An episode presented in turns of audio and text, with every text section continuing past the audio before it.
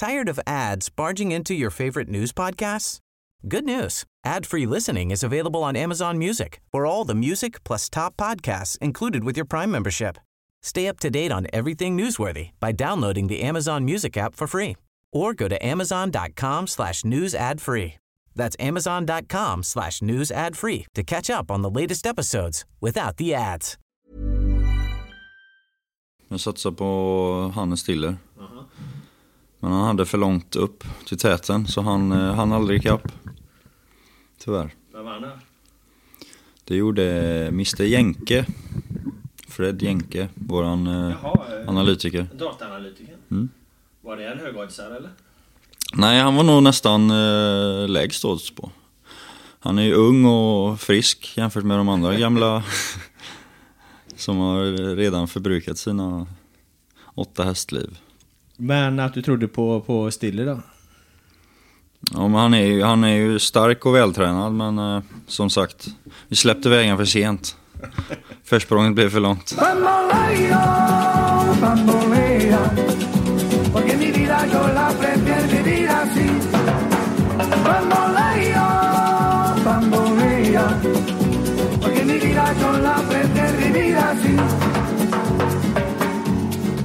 Hola Marbella. Hej och välkomna till Håla Marbella, GPs specialpodd som följer de allsvenska västlagens träningsläger på Iberiska halvön, BK Häcken här och dam, IFK Göteborg och IF Elfsborg. Idag är det jag, Robert Laul, som leder avsnittet och jag sitter här med IFK Göteborgs veteran, strateg och store tänkare Sebastian Eriksson. Välkommen till podden! Tack så mycket. När jag träffade utanför här då eh, frågade jag hur det var med dig. Minns du vad du svarade? Jag brukar alltid svara att det är jämna plågor. Mm, du såg lite plågad ut när du sa det också. Kan du utveckla?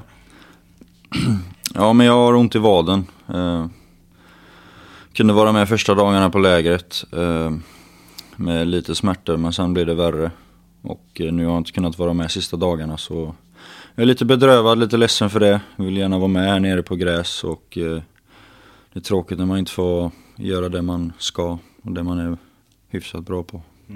Det påverkar humöret när man får en sån skada. Ja, jag har ju varit skadad så mycket så att jag, eh, även om det kanske är bara några dagar nu så, så är det jobbigt för mig. Jag tycker inte om att behöva sätta mig i gymmet igen. Jag har varit det tillräckligt tycker jag. Blir det värre med åren eller? Ja, men det blir det väl. Det är klart att för varje skada som man har haft så blir det ju värre och värre och tuffare och tuffare att ta sig tillbaks och jobbigare mentalt också varje gång. Ehm, det är väl så, det är väl så att det är inte så många som som man spelar på den nivån jag gör med de skadorna jag haft. Eh, jag vet faktiskt ingen annan som gör det. Eh, så jag kanske inte borde spela längre men jag vill inte sluta. Vad är det du lägger i, i vilka skador? Vad, vad tänker du på? Hur, beskriv kroppen. Jag har ju två gamla korsbandsskador, en på varje knä. Sen har jag en eh, sports hernia, som är en skada i bäckenet. Som jag var borta sju månader. Och sen har jag min senaste då stora skada som var höger hälsena, som jag var borta i nästan ett år. Ehm, och så en, en mängd småskador på det med bristningar och överbelastningar och sådär som man har haft genom åren. Men, men de fyra ganska betydande och tunga skador jag haft genom åren. Du är 34 år. Hur kommer ditt liv efter karriären se ut med tanke på, på, på vad, vad du gör med din kropp så att säga?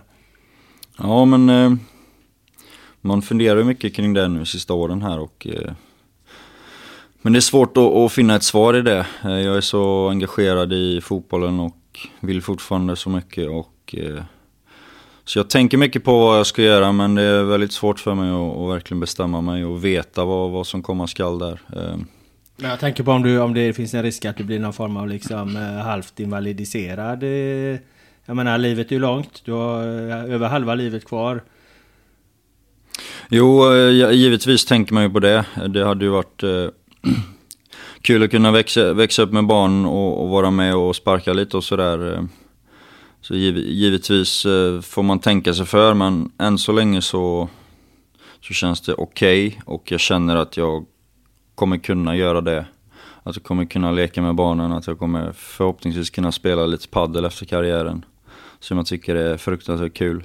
Ehm, men eh, som sagt, det är väl en, eh, inte en balansgång men eh, jag har svårt för att, att stämpla ut fotbollen med det argumentet att, att det kommer en morgondag. Jag vill gärna, jag vill så gärna spela.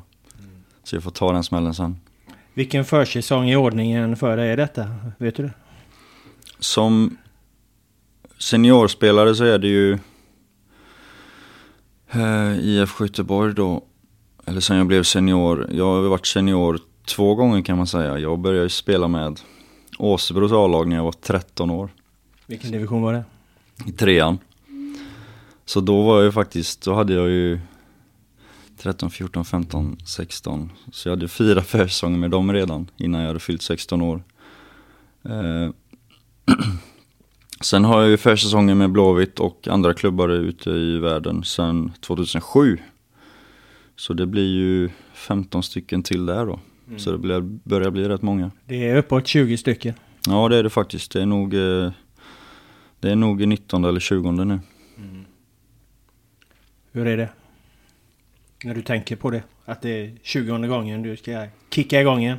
Ja det känns konstigt. Eh, livet går fort och karriären går jädrigt fort. Eh, när man kollar i backspegeln så, så känns det inte vemodigt men det, det känns konstigt att det gått så fort och man fattar väl att det inte är så många kvar så i, i den mån är det lite vemodigt sådär men samtidigt är jag fortfarande aktiv så jag behöver inte gå, gå händelserna i förväg så men eh, det har varit många långa fantastiska år och jag är, jag är glad för, att, för det jag har gjort och det jag har åstadkommit och att jag fortfarande kan göra det. Eh, när vi spelar in detta så befinner vi oss som sagt fortfarande då på eh, träningslägret här i, i Torrevieja och där blir du då intervjuad av min kollega Filip Trolera angående eh, vad man egentligen gör på ett läge när man inte tränar och, och, spelar eller rehabbar då. Du hade ett ganska filosofiskt svar. Eh, jag vet inte om du minns exakt vad du sa men du svarade något i stil med att jag tänker mycket på olika saker. Jag funderar på livet, vad man håller på med och varför man gör det. Kan du utveckla det där? Jag tyckte det var fint sagt. eh, nej men jag... Eh, jag växte upp eh, ute på landet eh, på en bondgård egentligen med mamma och pappa och eh, pappa som var väldigt fotbollsintresserad och spelade själv och jag växte upp på en idrottsplats. Eh, med eh, Dels med pappa som tränade mycket och som skötte om eh, föreningen där hemma och dels jag själv som spelade från väldigt tidig ålder, från 5-6 ålder. Eh, så spelade jag och var där nästan varje dag. Så jag hade en 5-6 eftermiddagar, helger och kvällar i veckan där jag var på en idrottsplats och växte upp med det. Eh, sen när jag kom till Blåvitt så jag var bara 16 år så jag blev, fick vara, bli vuxen ganska tidigt och klara mig själv. Och sen har jag genom karriären haft eh, um, jag har alltid varit en funderare och alltid, eh, liksom, jag har fått kämpa en del för, för att nå dit jag har velat komma och sådär. Och varje gång jag har fått, eller egentligen nått dit jag vill så har jag bara skadat mig. Vilket gjort att jag har eh, med alla mina skador och i olika tider i livet fått reflektera över vad fan jag håller på med och varför och sådär och inte vetat. Dels första gången jag var 21-22, inte vetat om jag kunde spela vidare redan då efter min första korsbandsskada som blev lite komplikationer. Sen fick jag min andra korsbandsskada när jag var 24-25. Och egentligen samma sak där. Vilken nivå klarar man hålla nu? Eh, så liksom fått ganska tuffa skador vid riktigt dåliga tillfällen i min karriär och har som sagt alltid reflekterat mycket över det och fått tänka och fått kämpa som fan för att ta mig tillbaka varje gång och det har påverkat mig tror jag, eller det har det verkligen gjort.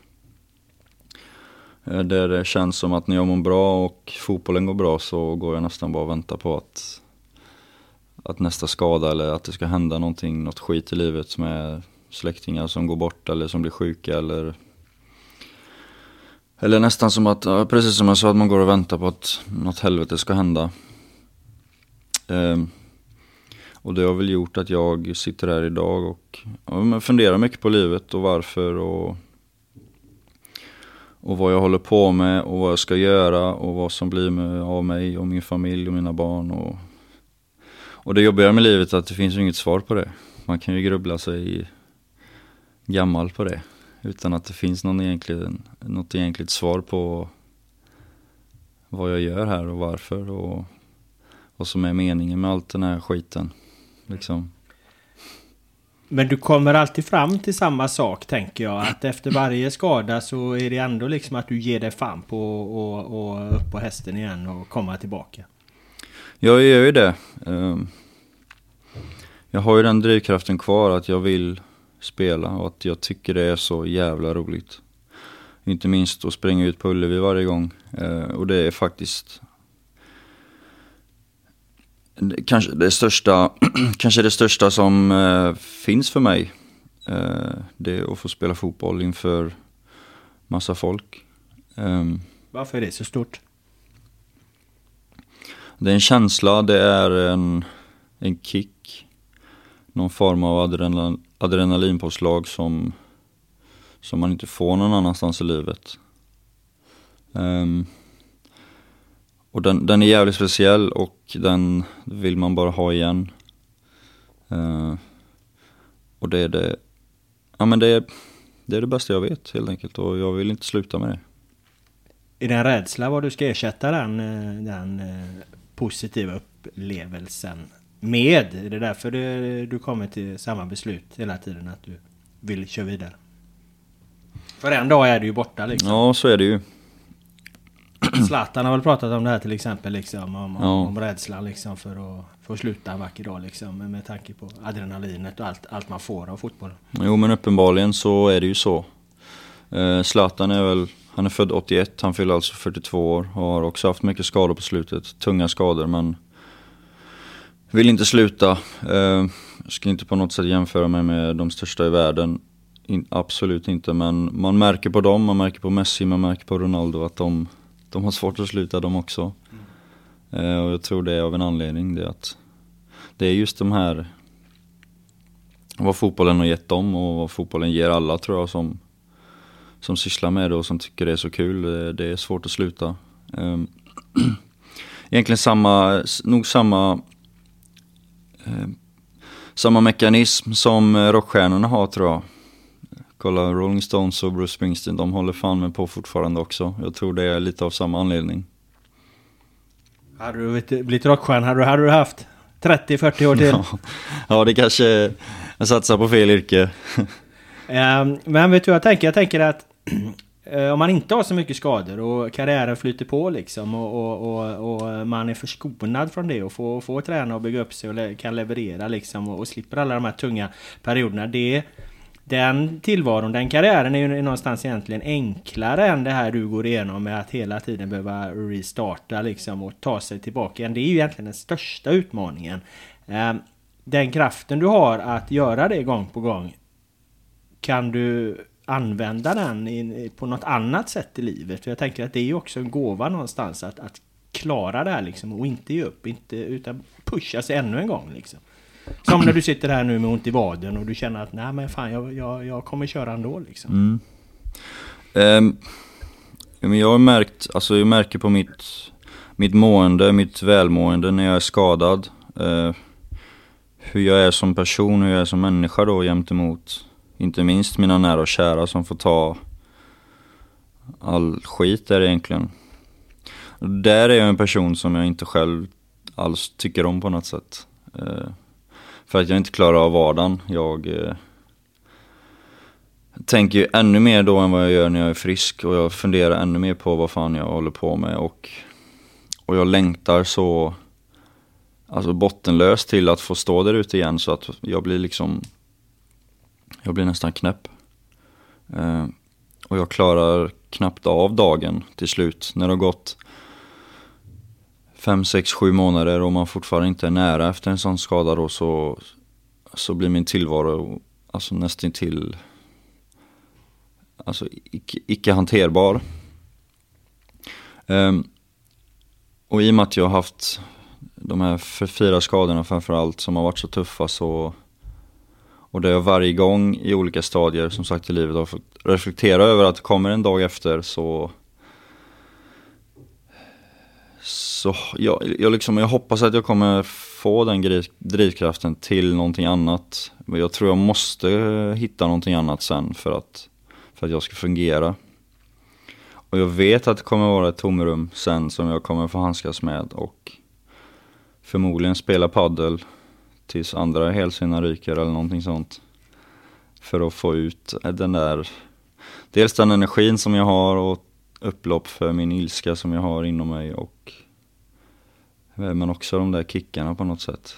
Jag vet inte, jag får väl jag får väl börja knarka eller något. Eh, skulle jag kanske inte rekommendera. Men eh, ilskan har jag funderat lite på. Det tycker jag är intressant. Du tog upp den själv nu. Var kommer den ifrån? Alltså den ilska du kan ge uttryck för i situationer som går emot på planen antar jag det du syftar på. Den är mm. utmärkande för dig. Mina föräldrar är lite sådana båda två. Eh, har jag märkt.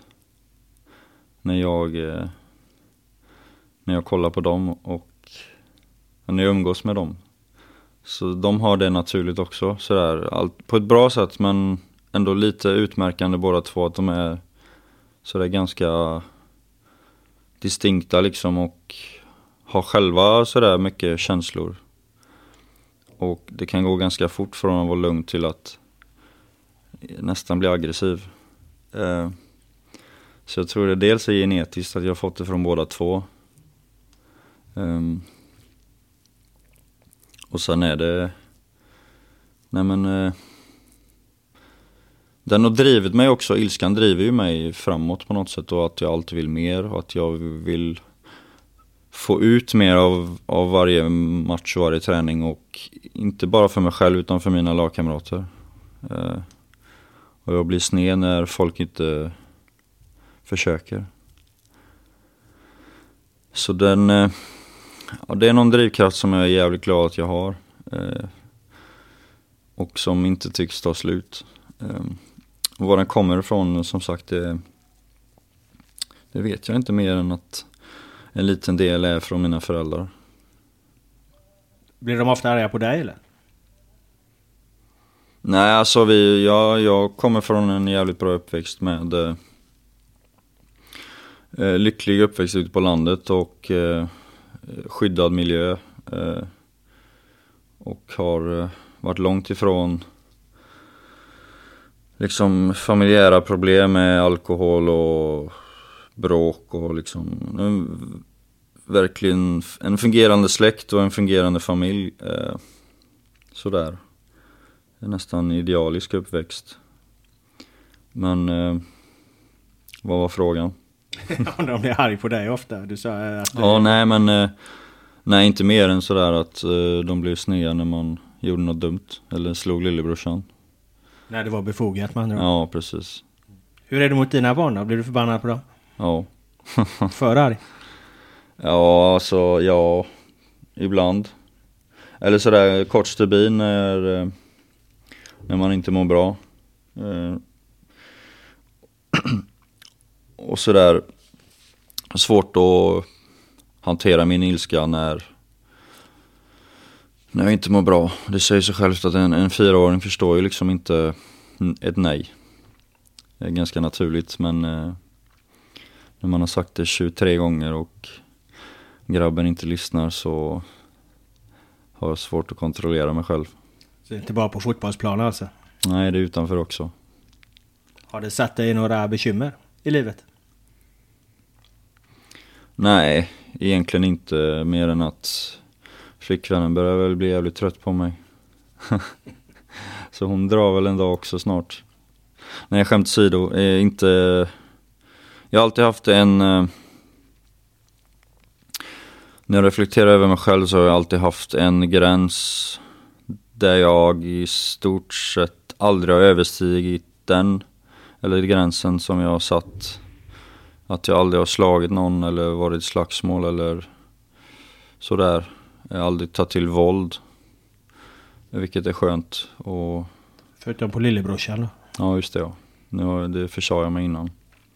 Nej men i vuxen ålder att, eh, att jag inte är en bråkstake. Att jag är hetlevrad och att det syns att jag är arg ofta. Men inte på något sätt att jag någonsin har som sagt slagit någon eller varit i bråk eller ens för den delen puttat på någon på en fotbollsplan och åkt ut eller fått massa onödiga kort sådär.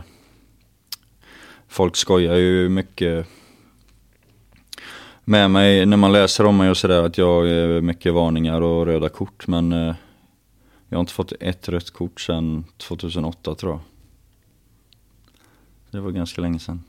Du spelar ju lite på dig själv också. Jag minns något Instagram-inlägg där när du var borta och du skulle tillbaka och du ville liksom trycka till någon MFF-spelare när du var tillbaka igen eller så. Så att eh, det är väl lite en, eh, en självpåtagen image också. Absolut, du har helt rätt. Det är klart att man har spelat mycket på det genom åren att man är lite av en tuffing kanske och, och sådär och hetlevrad. Eh, så där har jag också mig själv att skylla givetvis. Du har pratat en del om skadorna här och, och, dina tankar och så, men du har haft en lång framgångsrik fotbollskarriär också, får man inte glömma. Det är ju av alla liksom kids som en gång drömmer om att spela fotboll och kämpa så är det ju få som ändå når så långt som, som du har gjort, även om det fanns eh, ett steg till att ta. Så att säga. Vad har varit bäst i karriären? Vad, vad, vad, vad minns du med störst glädje? Eh, om du inte bara tittar på, på att du har haft tuffa skador. Um, precis som du säger, jag har haft en fantastisk karriär eh, också och en karriär som jag aldrig trodde själv att jag skulle nå och klara av eh, med mina förutsättningar och där jag kommer ifrån där man liksom inte fick göra mål, då blev man utbytt. Eh, Varför det? Det var morsan som var tränare, jag var sex år. Det är Jante, jag brukar säga att jag kommer från eh, Jantets Mecka i södra Dalsland där man inte får vara bra på någonting. Um, har det varit begränsande menar du eller har det? Nej, det är bara att man får slåss för att, när man är svensk så är det fult att vara bra. Uh, tycker jag. Är det så längre då? Nej, det blir bättre och bättre. Eh, tycker jag att vi svenskar blir bättre på det.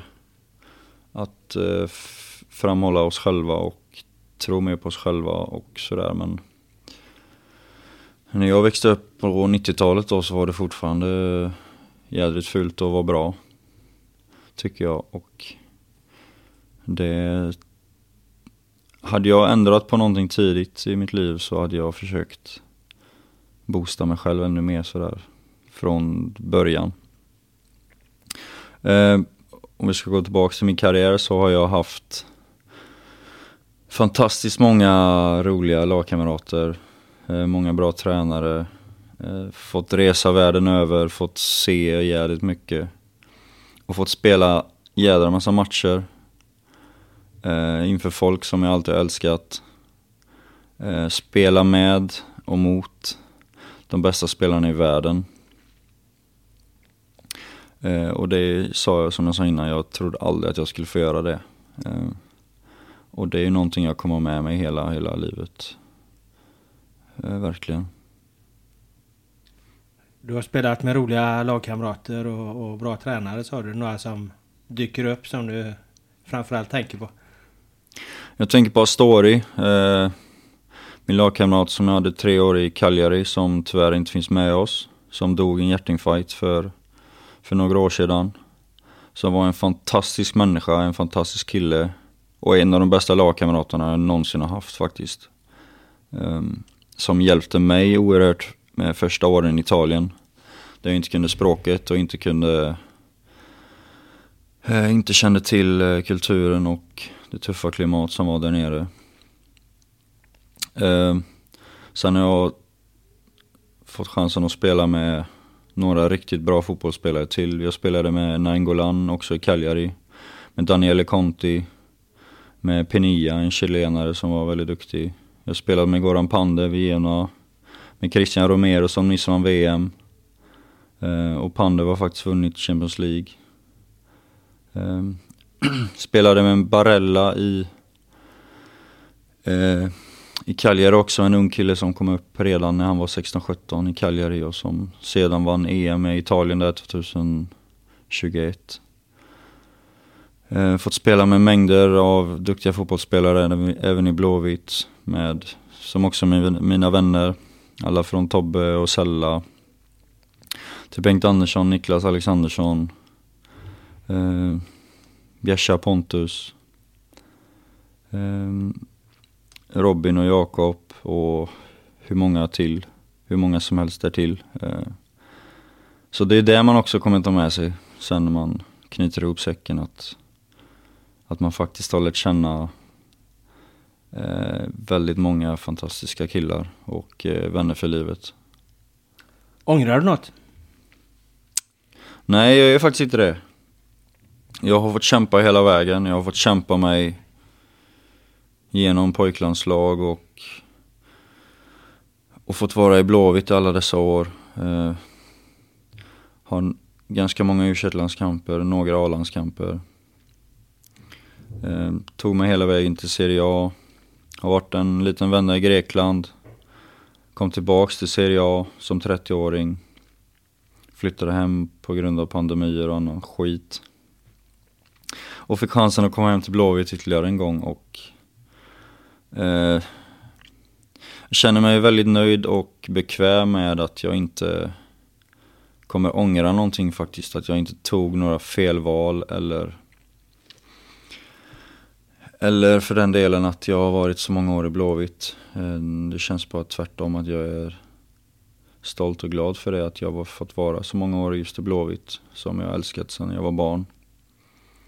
Och eh,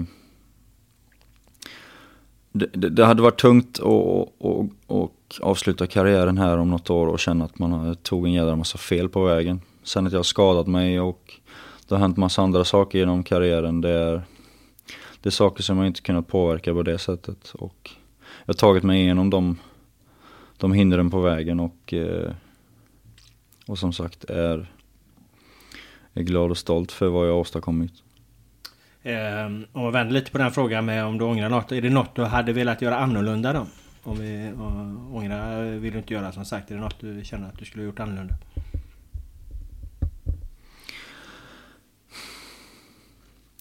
Kanske tränat ännu mera. Eh, speciellt i åren mellan 20 och 27.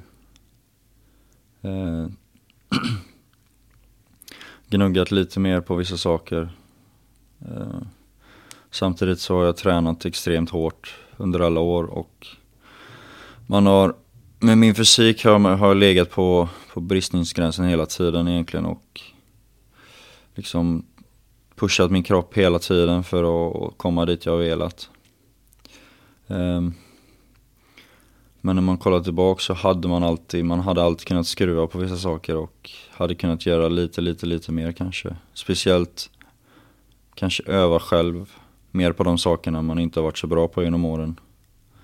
Um, men utöver det får jag nog säga att jag är ganska nöjd med vad, vad jag till slut lyckats med liksom på något sätt. Du pratade där om att där du kom ifrån och när du var liten att det var fult och var bra och så här. Det är ju eh, i årets IFK Göteborg väldigt många unga spelare. Eh, och det där perspektivet har ju lite förändrats. Eh, hur förhåller du dig till dem? Känner du att du behöver pusha dem för att tro på sig själva eller handlar det snarare liksom om att, att hålla ner dem och inse att fotboll i grund och botten är ett lagspel? Ja, ehm, som sagt klimatet har ändrat, ändrats väldigt genom, genom de här 20 åren och eh, de unga killarna har en helt annan eh, framförhållning och ett helt annat sätt att se på sig själva och har en helt annan tro på sig själva. Um, och jag försöker väl alltid försöka få dem att förstå vad det innebär eh, och att de kommer få kämpa hårt för att ta nästa steg. För att dels börja få spela i Blåvitt och sen ta sig vidare ut i Europa så krävs det enormt mycket Um, Och jag tror som ung idag så ser man så mycket mer det så, det är lite enklare att komma ut i Europa än vad det var redan bara för tio år sedan. Så jag tror de, de, de, de blir så påverkade av eh, sociala medier, av agenter, av andra klubbar och andra intressenter överallt. Så att det, är, det är svårt för dem att växa upp idag. Eh, och det kanske är svårt för dem att förstå och inse vad det krävs för att faktiskt ta sig dit. Eh, så jag försöker alltid få ner dem på jorden lite grann och vara tuffa mot dem på ett hjärtligt sätt och liksom försöka få dem att fatta både på och utanför planen vad som faktiskt krävs och att, det, att de inte är klara här och att de inte är färdiga med att ha gjort några träningsmatcher i Blåvitt. Utan det, den jobbigaste resan för dem kommer nu när de ska slå sig in i Allsvenskan och ta sig vidare ut i Europa. Menar du att de tror någonstans att har man en bra agent så, så löser det sig utan att man själv behöver ge 110 procent? Är det, är det så jag ska förstå det du säger eller? Ja men lite grann. Jag tror det att det här att de blir så påverkade och att de är så exponerade för hur bra det går för alla andra hela tiden. Eh, eh, och att man, att man bara ser framgångarna överallt. För det är det alla försöker visa upp hela tiden. Och att man också förstår och har en förståelse för allt det arbete som krävs. Um, för det är just det där, det är hårt jävla arbete som krävs för att ta sig hela vägen och jag vet själv att man blir själv påverkad hela tiden och försöker vara, bli bättre. Men det är inte lätt och jag tror de behöver bli påminna om det ganska ofta. Um, för att inte tappa fotfästet på något sätt tror jag. Av alla de unga som är uppe nu och är med och tränar på lägret eh, Karlstrand, Kanej, Bångsbo, Selvén. Det, det är en, en, rad liksom talangfulla. Är det någon, någons öde eller eh, person som har liksom fångat ditt intresse? Speciellt? Nej men det är duktiga killar allihopa. Ehm, jag gillar ju Linus som är... Eh, Linus Karlstrand? Ja, Linus Karlstrand precis. Som är son till LG Karlstrand, den gamla, den gamla galningen. Han du dundra ihop med honom i några dueller eller? Var det, var det lite före din tid? Eller? Ja, jag, nej. Jag minns ju honom, jag skrev ju om honom eh, en gång i tiden. Mm. en galning som du sa. Ja, nej men jag... Eh, jag missade LG tyvärr. Eh, jag hade ju älskat att spela mot honom men jag, det är så att min svärfar heter Stefan Baldebo och spelade också i Allsvenskan en gång i tiden i Frölunda, Västra Frölunda. Och han har berättat för mig att när han var, när han spelade i Frölunda så kom det upp en ung kille som heter Helge Karlstrand. Eh, och Stefan, som min svärfar heter, han han berättade att de på den tiden var galna men LG var ju ännu galnare när han kom upp redan. Eh, och jag blir lite fascinerad av sådana människor. Eh, jag tycker det är, mm, de är, de är roliga, de galningarna liksom. Jag saknar ju Rydström och, och Rosenberg och dem som jag fick möta när jag var ung. Uh, och LG som sagt, LG det var tråkigt att jag aldrig fick möta men jag har lärt känna honom nu i efterhand och eh, tycker det är kul att, spela med hans pojk. Eh, och Linus har ju lite av det där också. Även om det inte är i närheten av LG hade så, så gillar jag Linus. Eh, han verkar ju vara väldigt städad i jämförelse. Ja, och ja, han har väl... Eh, han har nog fått eh, kanske eh, lite av mammas drag då. han behöver nästan bli tuffare. Men jag tycker mer som spelare så har han ett driv och ett härligt steg och eh, eh, men jag tycker om honom. Sen måste jag nämna Hussein också som är, jävligt duktig. Hussein Kanai? Ja precis, som har egentligen alla förutsättningar för att bli eh, absolut alls, allsvensk klass och även ta sig vidare ut i Europa. Eh, så där har vi en liten guldklimp i, i Hussein faktiskt. Mm. Det är en intressant diskussion om vi bara glider in lite speltekniskt där. Han, han eh, eh testas nu mycket i den här offensiva nummer 10 positionen där. Men eh, på, på, han har varit ute på kanten och så också. Vad, vad ser du att han har sina eh, största styrkor? Men jag tycker Hussein är bra på olika positioner faktiskt som en offensiv mittfältare. Han är så jädra duktig en mot en. Så han kommer nästan alltid förbi ute på kanten. Och han börjar även lära sig i rollen som nummer 10 också och hitta rätt ytor in i mitten vilket är väldigt svårt i dagens fotboll. De allra, allra flesta lagen eh, är duktiga på att stänga till i mitten. Och inte minst där som han har spelat som nummer 10 framför, framför sin egna backlinje. Det är alltid väldigt trångt där och svårt att, att skaffa sig tid och rum för att, för att avsluta eller lägga fina passningar. Men men Hussein har faktiskt redan under vintern här eh, blivit eh, betydligt bättre på det. Eh, så jag tycker, jag tycker om han oavsett var han spelar egentligen och har ju de här härliga de här härliga finterna och är otroligt duktig på att vända ut och in och fram och tillbaka med, med motspelarna och snabb med bollen. Så jag hoppas att han kommer kunna tillföra väldigt mycket för oss i år. Och, men kanske det allra svåraste också att det ska komma poäng också från en sån eh, roll. Och det är inte lätt att lära sig just det och göra poäng i fotboll. Det är ju det absolut svåraste nästan. Mm. Eh, det är ju inte bara en ny försäsong för dig. Det är ju ännu någon form av, av, av nystart med IFK Göteborg här. I alla fall har redan tränare Mikael Stade talat så. Eh, ni ska eh, mer fokusera på ett 4-3-1, 4-2-3-1 formation. Ö, öka bollinnehavet, bli bättre på hemmaplan. Närmare toppen. Du har varit med om många gånger när man står där inför och man, man ska skruva på vissa grejer och, och bli bättre. Tror du på det? I år? Ja men det gör jag. Eh... Jag har ju genom sista 7-8 åren här varit sådär ganska kritisk från och till, även utåt. Men vad jag tycker och med, med hur, hur, hur, hur föreningen har skötts, hur föreningen har skötts de eh, sista åren. Och med alla byten på, på de allra största posterna i föreningen. Hur det har gått till och att vi aldrig har fått någon, någon fast punkt, någon riktning att gå efter och det har hela tiden ändrats och bytts ut och eh, Du tänker på tränare, sportchefer, ordförande, ja. klubbdirektörer, den typen av, av positioner? Då. Precis. Eh,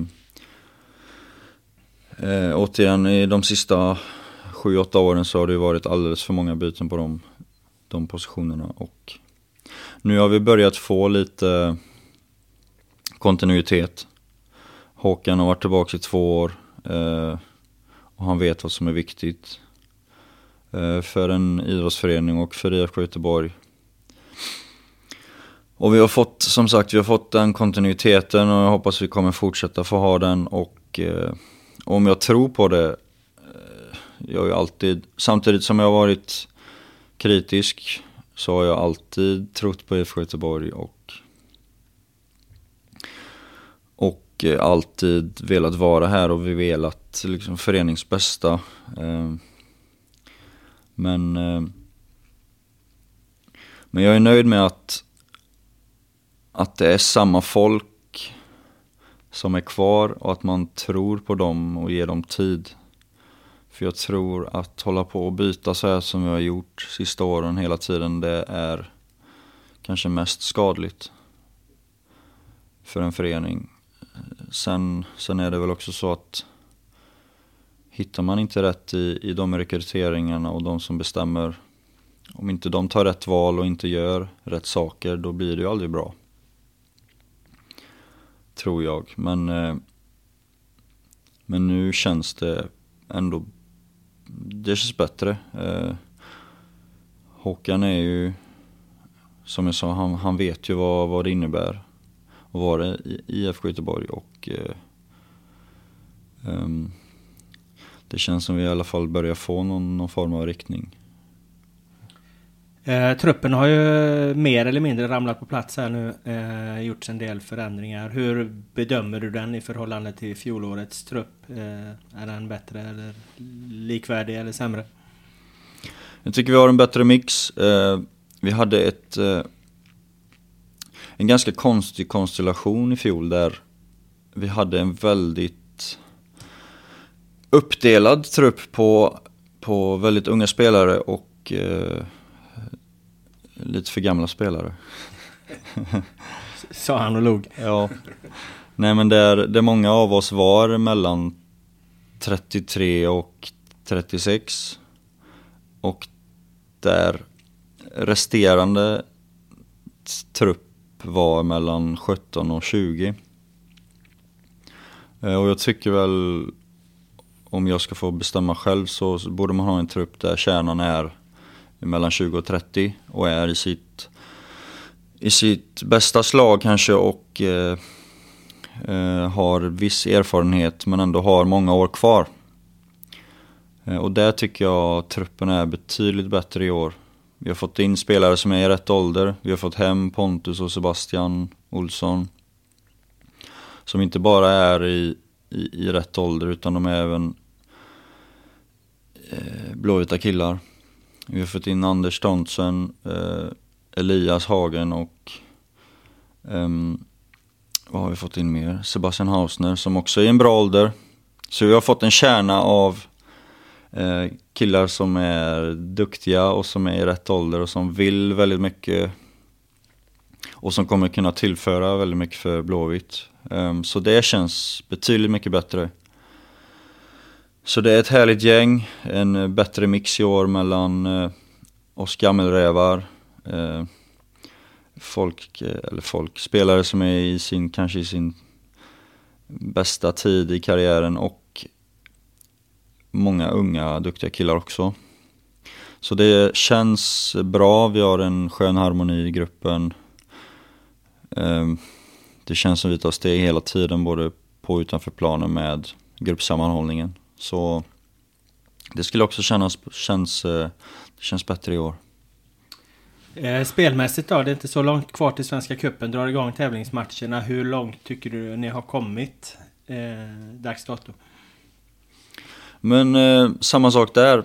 Vi valde ju att träna i december i år. Eh, vi tränade alltså från början av december till eh, strax innan jul och hade ett litet uppehåll, dels i november och dels mellan jul och nyår. Vi kunde starta upp i januari, eh, träna hårt och eh, har visat sig här under träningsmatcherna tycker jag att vi, eh, att vi är ganska bra med och att det känns bra inför kuppen. Att vi har kommit en bit redan i vårt spel, i vår speluppbyggnad och gjorde en väldigt stabil match här tycker jag i måndags. Eh, mot Tromsö. Det såg väldigt bra ut. Trots det var mycket byten och sådär i andra halvlek så, så såg det bra ut över 90 minuter och eh, ser fram emot matchen här på, på lördag mot Viborg.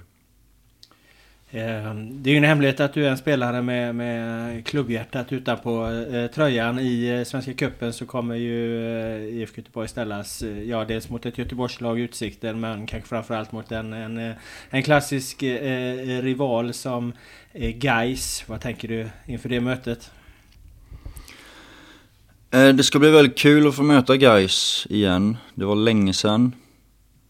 Ehm, jag saknar ju den tiden då det var mycket derbyn i stan. Jag saknar ÖIS och jag saknar guys. Ehm, jag tycker det är tråkigt att de är i Superettan. Ehm, så det kommer bli kul, en riktigt rolig match. Ett guy som är tillbaka faktiskt i Superettan, som gjorde en fin säsong i fjol. Ehm, och det är alltid kul att möta lillebrorsan, eller så. Vi har ju några stycken i stan fortfarande. Alltid kul med derby, alltid kul att möta sig mot dem som bor i stan. Och eh, förhoppningsvis eh, slå dem såklart. Det har vi alltid velat göra och eh, jag har faktiskt bara förlorat en gång mot guys. En gång i tiden på Gamla Ullevi, jag tror det var 2008. 1-0 torsk. Sen dess eh, har jag bara vunnit mot dem. Du var inte med i skrivbordsförlusten då när supportrarna sköt in raketer så att eh, Gais fick segern med 3-0. Ja, just det. Var, var, var, var du med då? Var du i truppen då? Eller? Jag, eh, jag tror detta var 2000, 19? ja det stämmer. Så att jag eh, var med i truppen. Men jag hade vid det tillfället var jag skadad som vanligt nästan. hade min sportshörnia där så jag minns det, jag stod på läktaren. Och gick hem efter en stund. Jag tänkte att det här blir inte bra. Och det visade sig att man inte kunde åter, återuppta matchen och att Gais vann med 3-0. Så det missade jag faktiskt. Jag var väl, jag, som sagt, jag var med i truppen, jag var inte med ute på planen. Men Gais har ju faktiskt slått oss en gång till. Hoppas det avgörs på planen den här gången. Ja, får vi verkligen hoppas. Eh, Det är väl eh, fullsatt tror jag på Bravida kommer det bli och eh, förhoppningsvis en härlig mix mellan Blåvita och Gais supportrar och eh, återigen hoppas eh, eh, tårtan inte välter. Om du förstår vad jag menar med det. Förstår du vad jag menar då? Ja, jag antar att du syftar på fyrverkerierna. Ja, Då, eller att man ställer den tårtan utanför arenan eller tar den på nyårsafton. ja, det hade också kanske varit smart att inte ställa den bak mål. Eh, du sa att eh, ni har ett par eh, småbröder, lillebrorsor i stan här. Eh, har ni en storebror också? Jag tänker på laget som vann SM-guld. Ja, egentligen eh, får man ju säga att, att vi har det just nu. Att Häcken är en, en välmående förening som eh, har gjort det väldigt bra sista åren och som dessutom fick kröna, kröna det med ett SM-guld här. Så det är klart att det svider lite som Blåvitt att, eh, att lilla Häcken får gå och vinna. Ehm, det gör det verkligen och eh, på det, Hur ont gjorde det just för dig att det skedde på Gamla Ullevi eller? ja men det gjorde ont. Eh, jag minns den matchen. Eh, jag minns hur arg jag var under tiden där. Första halvlek när de gör 1 och 2 och 3-0 och man känner bara att det här, eh, det kommer verkligen bli så här.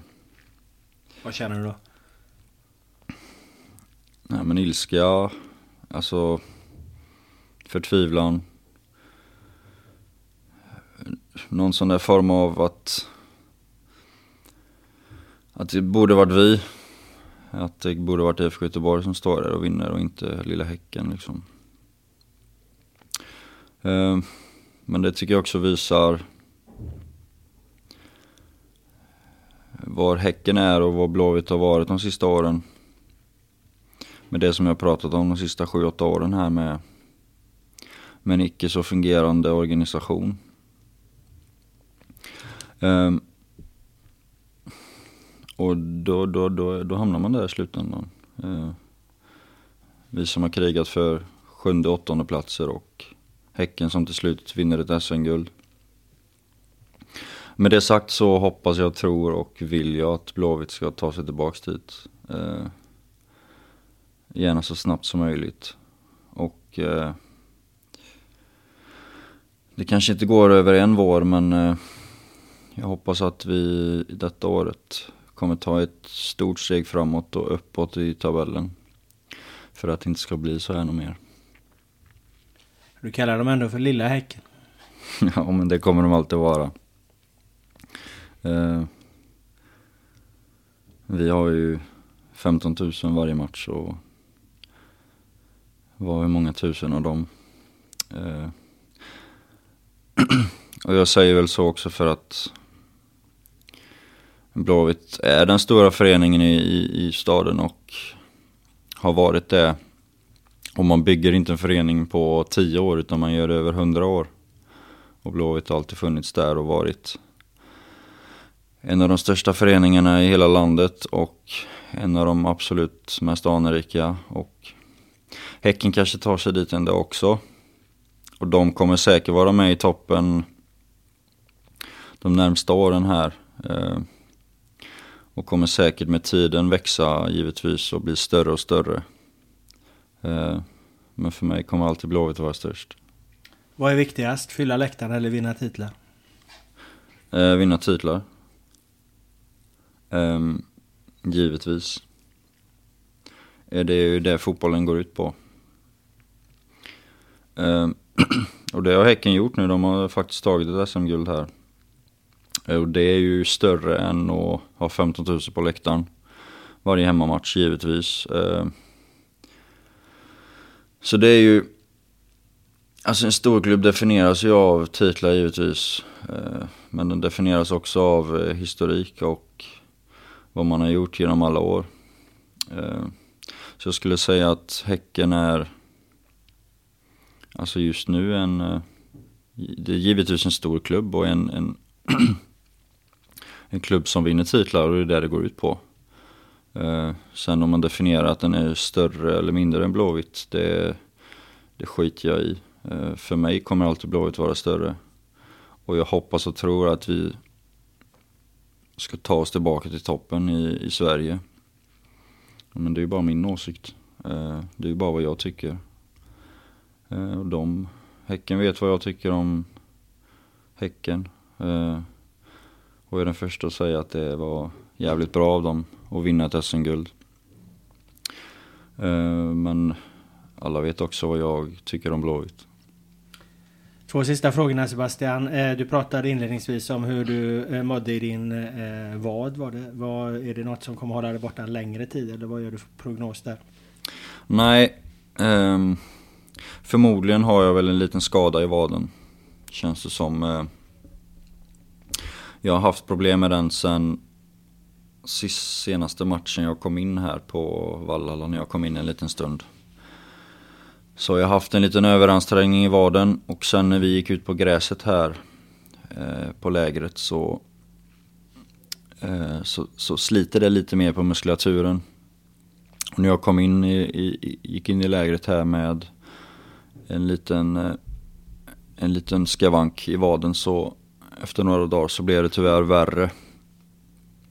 Och jag fick en liten reaktion på att gå ut på gräset här.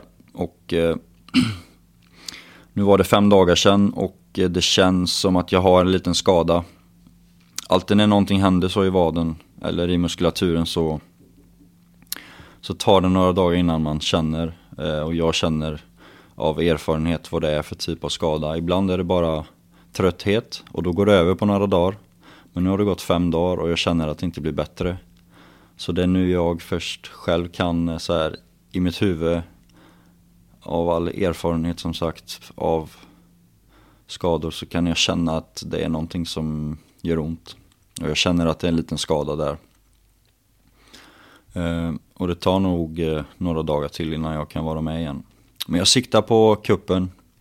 Jag kommer tyvärr missa matchen här på, på lägret men eh, nästa måndag igen så har vi cupmatch mot Utsikten och då hoppas jag att jag kan vara med. Ehm, så jag siktar på det. Några dagar till. Du kanske ska bli eh, sjukgymnast eller eh, utbilda dig till läkare efter karriären. Med tanke på alla erfarenheter du har gjort. Man hör hur eh, detaljerat du beskriver din problembild.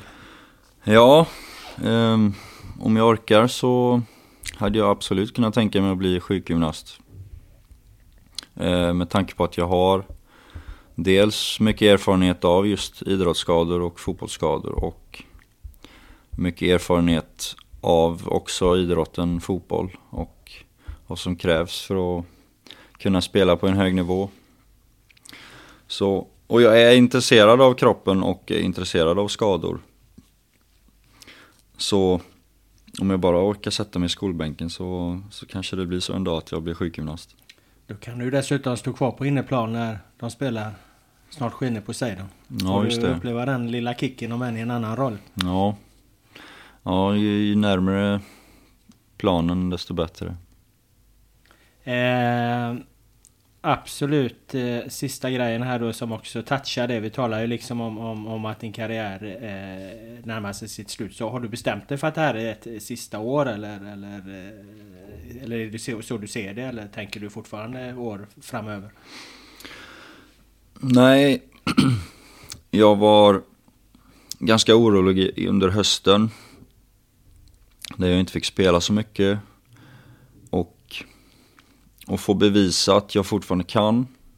Att jag håll, håller för eh, att spela i Allsvenskan. Jag liksom kände fortfarande att jag, att jag skulle kunna göra det. Att jag skulle hålla för att spela, att jag fortfarande kan prestera.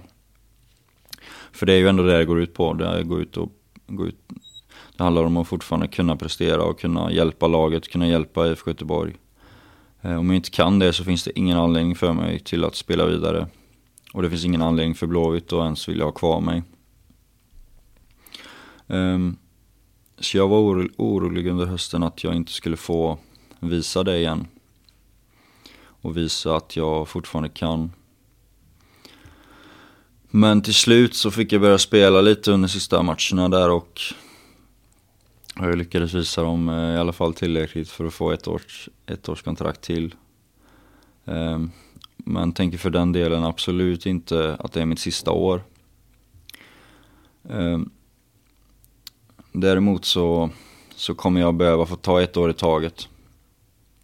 Där man egentligen får känna efter varje gång hur kroppen känns och hur den svarar på, på att spela vecka ut och vecka in sådär. Och hur många försäsonger till man ska orka mentalt.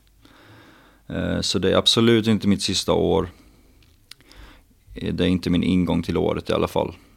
Utan jag kommer utvärdera det efter varje säsong. Men jag hoppas att jag har några år till kvar i min gamla kropp. Då kanske vi sitter här om ett år igen då. Jag hoppas det. Ja. Det vore trevligt. Ja, och tack så mycket för att uh, du tog dig tid att vara med i, i podden Sebastian. Och lycka till med årets uh, fotbollssäsong och uh, många fler säsonger då. Tack så jättemycket. Och tack till alla er som har eh, lyssnat eh, på eh, podden. Eh, vi är tillbaka med nya avsnitt. Ha det bra så länge.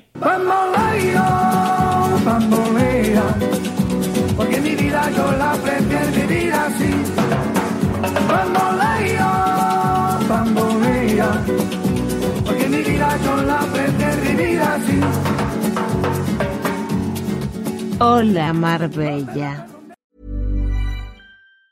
Tired of ads barging into your favorite news podcasts? Good news. Ad-free listening is available on Amazon Music for all the music plus top podcasts included with your Prime membership. Stay up to date on everything newsworthy by downloading the Amazon Music app for free or go to amazon.com slash news ad free. That's amazon.com slash news ad free to catch up on the latest episodes without the ads.